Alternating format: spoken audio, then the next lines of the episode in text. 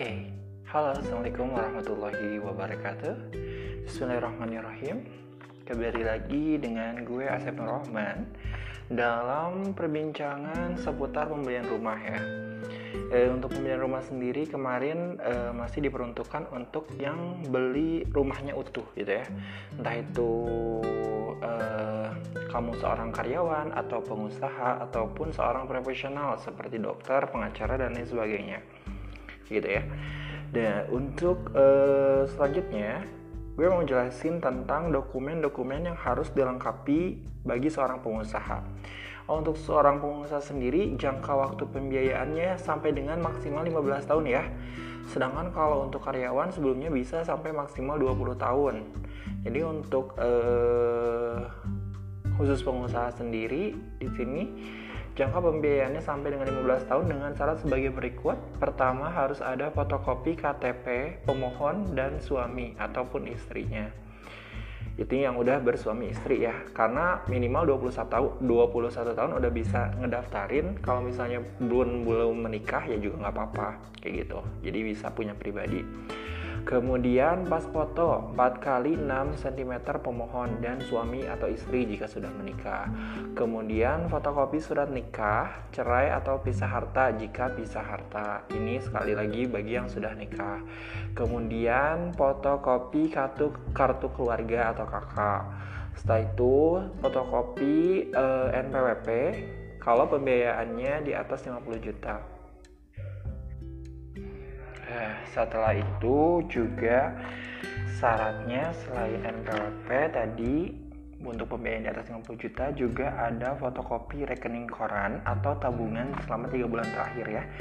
Jadi harus banget atau wajib melampirkan rekening koran atau tabungan tiga bulan terakhir terutama kalau misalnya eh, transaksi jual belinya lewat eh, transfer gitu lewat rekening itu lebih bagus gitu itu bisa menjadi bukti atau acuan untuk perhitungan uh, penghasilannya nanti. Kemudian ada juga uh, neraca dan laba rugi atau informasi keuangan dua tahun terakhir.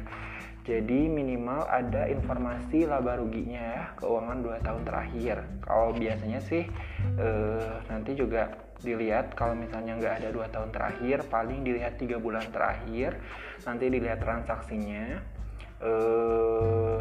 termasuk nota-notanya nanti disiapkan ya nota jual, nota pembelian dan nota penjualannya. Nanti bisa kita rekapin eh, neraca laba ruginya. Kemudian tapi lebih bagus sih kalau misalnya bikin neraca laba rugi sederhana misalnya penjualan bulan ini berapa pembelian berapa kayak gitu. Tapi tetap juga melampirkan nota-notanya untuk recheck kayak gitu. Dengan kayak begitu nanti prosesnya akan lebih cepat. Nah, kemudian ada juga akta perusahaan SIUP dan TDP itu wajib kalau sekarang tuh pakai NIB ya. Selain SIUP dan TDP sekarang udah pakai NIB nah itu boleh juga dilampirkan uh, ini ada catatan kalau misalnya usahanya maksimal eh usahanya pembiayaannya maksimal 150 juta itu masih bisa menggunakan SKU atau surat keterangan usaha gitu ya. Sekali lagi untuk maksimal pembiayaan 150 juta bagi pengusaha itu bisa melampirkan SKU atau surat keterangan usaha kalau misalnya belum punya uh, SIUP TDP kayak gitu. Kemudian eh, dokumen-dokumen kepemilikan untuk jaminan ini seperti biasa ya wajib kayak seperti fotokopi sertifikat DNIMB, fotokopi bukti setoran PBB terakhir kayak gitu itu wajib ya. Kemudian denah de, denah lokasi rumah tinggal juga itu wajib kayak biasa. Itu dulu ya. Ini untuk pengusaha uh, silakan kalau misalnya kecepatan bisa diulang kembali atau bisa langsung kontak gue di 085 210 20878 untuk uh, kelengkapan persyaratannya bisa gue fotoin. Nah, uh, yang mau gue tambahin nih untuk para pengusaha, kalau misalnya mau gitu ya, mau mengajukan, mau mengajukan BNI salah satu BN salah satu produk yaitu BNI Gria IWH sana sebaiknya eh, dilihat dulu rata-rata penjualannya dan pembeliannya. Kemudian dilihat juga dokumen-dokumen kepemilikan jaminannya karena uh, lumayan. Ya lumayan rada pelik lah prosesnya tapi nggak terlalu susah-susah amat sih. Cuman uh, hemat gue kalau misalnya mau coba nota-nota penjualan baik itu pembelian atau penjualan harus disiapkan. Kemudian ini nih fotokopi rekening tabungan tiga bulan terakhir. Jadi kalau misalnya mau banget lebih baik lo lihat uh, kalau misalnya usahanya lewat apa gitu lewat transaksi kontan lebih baik ditabungin aja gitu. Ditabungin aja biar nanti juga nanti ada bukti transaksinya kayak gitu. Kalau misalnya uh, pembayarannya secara kontan atau cash kayak gitu. Gitu ya. Jadi ada bukti transaksinya nanti bisa ngemudahin buat analisisnya kemudian yang gue saranin lagi nanti hati-hati dokumen kepemilikan jaminannya kayak fotokopi sertifikat dan IMB kayak gitu. Tipe setoran PBB terakhir di rumah yang dimaksud. Baik itu rumah yang kalau rumah yang baru biasanya udah ada ya tapi kalau misalnya rumah second tuh hati-hati kayak gitu. Biar nanti mengurusnya mudah. Kalau misalnya IMB-nya kayak IMB belum ada nanti harus bikin dulu gitu nanti sebagai syarat akad dan lain sebagainya gitu ya untuk pengusaha eh, ditunggu kedatangannya di BNI eh, Syariah Tasikmalaya atau bisa langsung hubungi gue di nomor yang udah gue sebutin tadi. Sampai jumpa kembali di podcast selanjutnya. Assalamualaikum.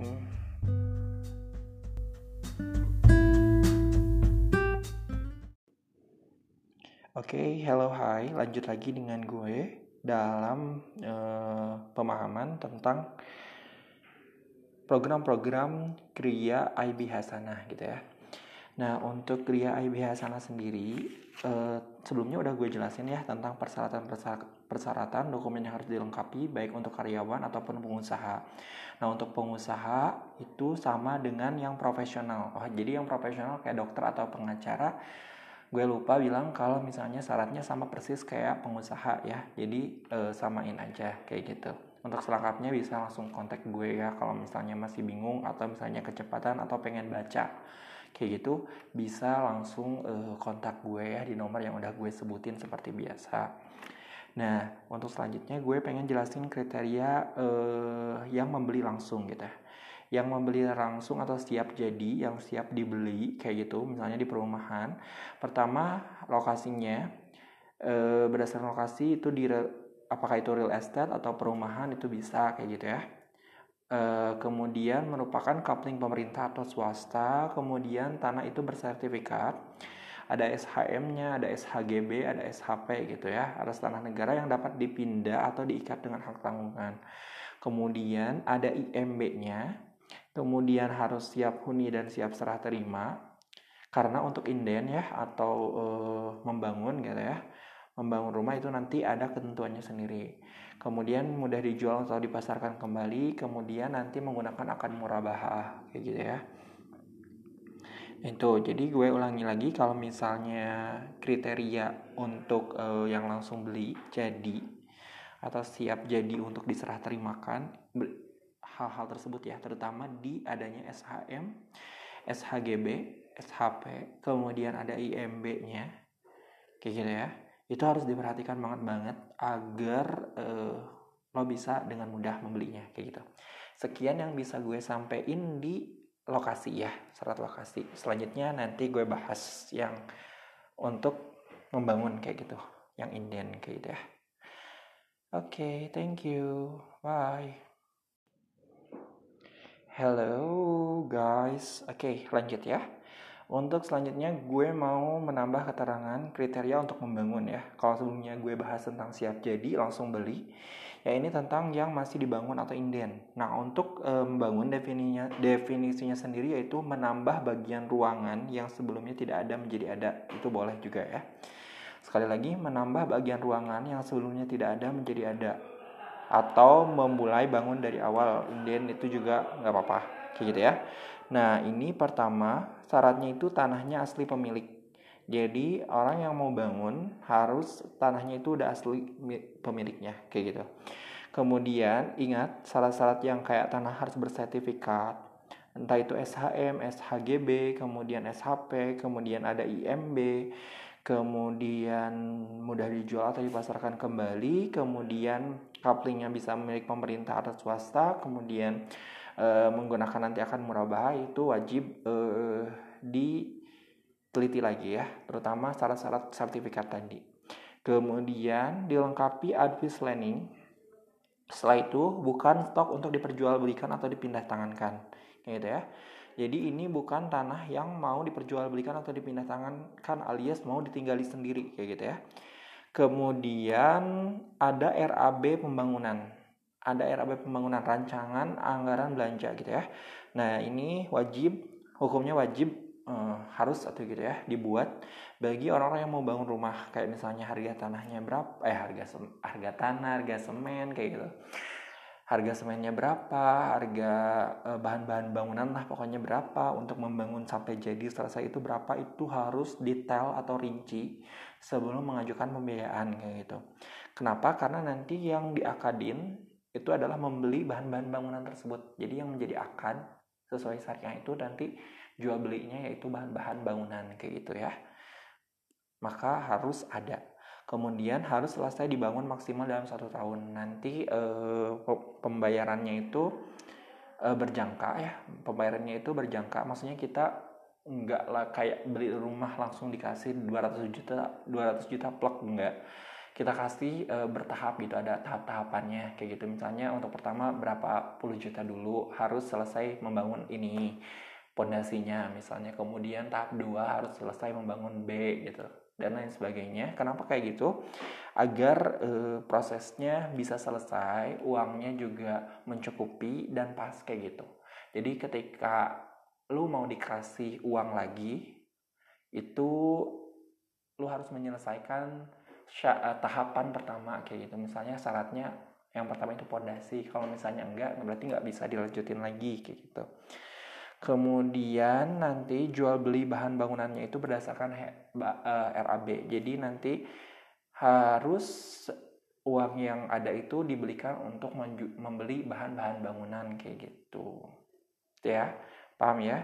Jadi untuk membangun ini definisinya sekali lagi menambah bagian ruangan yang sebelumnya tidak ada menjadi ada. Yang paling menjadi catatan yaitu tanahnya harus asli pemilik kemudian bersertifikat SHM, SHGB, SHP, ada IMB-nya, kemudian eh, dilengkapi advice planning. Kalau misalnya nggak ngerti advice planning daripada gue eh, panjang, lo cari aja advice planning itu apa. Kemudian ada RAB pembangunan ya, gitu ya. RAB pembangunan harus ada ingat rancangan anggaran belanja untuk bahan barang-bahan bahan-bahan bangunan. Dan ingat sekali lagi bahwa kita nggak ngasih langsung plak tapi bertahap sesuai dengan uh, syarat yang harus dipenuhi sebelum dikasih lagi gitu. Ya ya. Oke, okay, thank you for your all attention guys. Bagi yang lo yang mau bangun rumah, kita juga ada fasilitasnya. Jangan ragu untuk uh, apa menawarkan diri atau berkomunikasi dengan pihak BNI Syariah. Salah satunya gue gitu ya khusus lo yang tinggal di Tasikmalaya nih kayak gitu ya. Bisa menghubungi gue. Thank you for all your attention guys. Assalamualaikum warahmatullahi wabarakatuh. Hai, Assalamualaikum warahmatullahi wabarakatuh. Kembali lagi dengan gue Asep Nurrahman Dan kali ini gue masih bahas tentang eh, BNI Gria IB Hasanah Dan sebelumnya gue bahas tentang rumah yang langsung siap jadi, langsung siap jual kayak gitu, ready. Kemudian ada juga yang membangun rumah atau inden. Kemudian ada juga yang merenovasi. Apa sih pengertian merenovasi? Yaitu menyempurnakan kondisi rumah, terus kemudian mengubah fungsi atau bagian ruangan, menambah ruangan baru yang sebelumnya tidak ada menjadi ada kayak gitu ya. Kayak gitu. Bisa menyempurnakan kondisi rumah, mengubah fungsi bagian atau ruangan, menambah ruangan baru yang sebelumnya tidak ada menjadi ada. Itu pengertian dari merenovasi. Uh, syarat uh, kriterianya seperti ini. Pertama harus atas nama pemohon atau pihak ketiga ya. Boleh pihak ketiganya itu misalnya istri atau suami atau orang tua kandung, mertua ataupun anak gitu ya. Untuk uh, pihak ketiganya. Bisa berupa horizontal, sekali lagi istri atau suami, kemudian vertikal orang tua, kandung, mertua ataupun anak, ya namanya nanti. Kemudian eh, coupling pemerintah atau swasta ada RUTR Pemda, kemudian tanah bersertifikat kayak SHM, SHGB, SHP, kemudian ada IMB itu wajib ya guys, nggak boleh nggak ada gitu. Kemudian karena merenovasi nanti juga membeli bahan-bahan bangunan ya untuk eh, mengadakan atau menyempurnakan kondisi rumah, maka harus ada RAB pembangunan kayak gitu, ada rencana anggaran belanjanya kayak gitu karena itu nanti yang akan diakadkan kayak gitu bahan-bahan tersebut. Kemudian mudah dijual kembali baik lokasi, tanah dan bangunannya. Itu eh, maksudnya harus marketable lah eh, tempatnya kayak gitu. Kemudian jual beli bahan bangunan nanti berdasarkan RAB ya. E, nanti seperti biasa e, bahan bangunannya nanti berdasarkan RAB. E, apa sih pembelian pemberian dananya itu berdasarkan RAB yang udah dirancang kayak gitu. Nanti juga bakalan disurvei harga-harganya dan lain sebagainya kayak gitu ya. Kemudian renovasi yang ada perubahan luas bangunan wajib mengurus IMB baru. Jadi misalnya renovasinya nanti ada luas bangunannya itu nambah kayak gitu. Nah wajib itu ada IMB baru yang disertakan. Jangan IMB lama yang tanahnya segitu kemudian lo gunain juga segitu enggak. Ketentuannya kalau misalnya lo nambah, nambah istilahnya nambah ruangan, eh nambah ruangan, nambah luas, berarti lo wajib mengurus IMB baru kayak gitu ya. Oke, itu yang bisa gue sampaikan dari kriteria-kriteria khusus dari Gria IB Hasana. Oke, okay? thank you guys for your loyal attention. Forgive for my misspelling and mistake. Assalamualaikum warahmatullahi wabarakatuh. Bye. Halo guys, kembali lagi. Assalamualaikum warahmatullahi wabarakatuh. Ya, untuk selanjutnya gue mau uh, menambahkan seputar gereja IB Hasanah mungkin perintilannya yang lu juga harus tahu gitu ya. Perintilan yang harus lu tahu. Pertama tentang maksimal pembiayaan itu minimal ya untuk pembangunan rumah itu 50 juta sampai dengan 2 miliar untuk daerah Tasik ya. Untuk daerah Tasik sendiri minimal 50 juta sampai 2 miliar untuk bangunan rumah. Kemudian untuk renovasi atau coupling minimalnya di angka 50 juta, kemudian maksimalnya itu 1 miliar, gitu ya. Oke. Kemudian ada ketentuan-ketentuan lain, misalnya uh, untuk ketentuan takeover. Takeover itu apa sih? Kalau yang belum tahu, itu artinya melunasi sisa biaya dari bank lain. Kayak gitu ya. Kalau misalnya lu ada rumah misalnya cicilan di bank lain terus lu pengen syariah, bisa. Itu bisa di takeover yaitu melunasi sisa biaya dari bank lain kayak gitu ya. E, nanti akadnya juga beli rumah kayak gitu. Tetap akadnya itu sama kayak beli rumah. Kemudian hal-hal yang harus lo tahu lagi e, tentang ini nih tentang ruko atau rukan.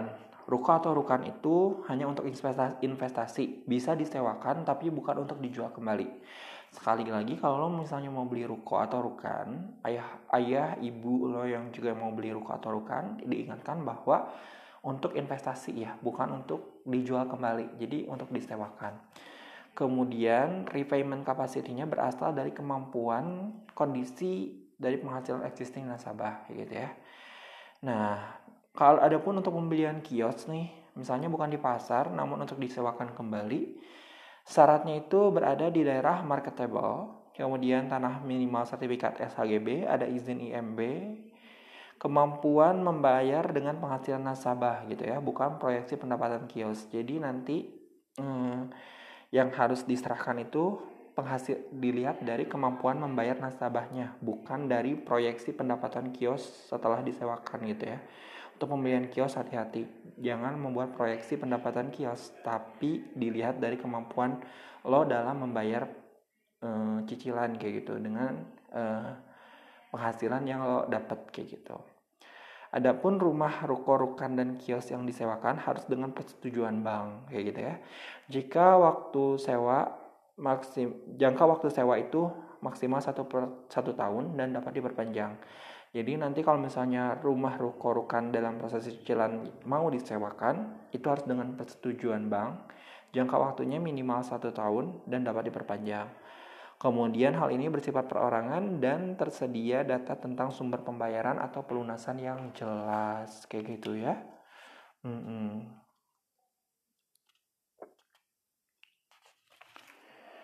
Selanjutnya yang perlu perlu lo ketahui lagi dan tadi gue ingetin ya kalau jangka waktu untuk fixed income atau karyawan gitu ya yang punya penghasilan tetap maksimal 20 tahun. Kecuali misalnya lo mau beli kafling beli kafling tanahnya aja itu 10 tahun maksimalnya untuk fixed income. Sedangkan untuk non fix maksimal itu pembiayaan itu sampai 15 tahun. Kecuali untuk rumah second ruko dan kafling maksimal itu 10 tahun ya pembiayaannya. Kayak gitu ya. Oke. okay itu sih yang uh, gue mau bahas. Selebihnya itu lebih complicated lagi. Itu mungkin untuk analis aja ya untuk tim analis aja. Yang lo perlu ketahui sebagai konsumen mungkin itu aja. Hal-hal yang umum yang uh, mungkin jarang dibahas kayak gitu ya. Itu mungkin yang bisa gue sampaikan untuk sesi kali ini Terima kasih telah mendengarkan seputar Gria IB Hasana. Kalau misalnya kecepatan atau gimana, eh, lo bisa hubungi gue. Kalau misalnya belum mengerti, lo bisa putar sebelum menghubungi. Mungkin lo bisa putar kembali eh, Spotify ini, eh Spotify eh, podcast ini. Lo bisa putar kembali, lo dengarkan ulang dan lo pahami. Atau kalau perlu sambil catat gitu ya, biar eh, ada bahan pembelajaran juga buat lo gitu setelah lo masih nggak ngerti lo bisa hubungi atau kontak gue khususnya yang mau beli rumah di Tasikmalaya kemudian punya KTP Tasikmalaya kayak gitu lo bisa hubungi gue di 085 210 20 2878 oke okay? oke okay. see you later guys see you untuk di pembahasan selanjutnya kayak gitu ya di produk-produk uh, BNI syariah khususnya di Tasikmalaya gitu.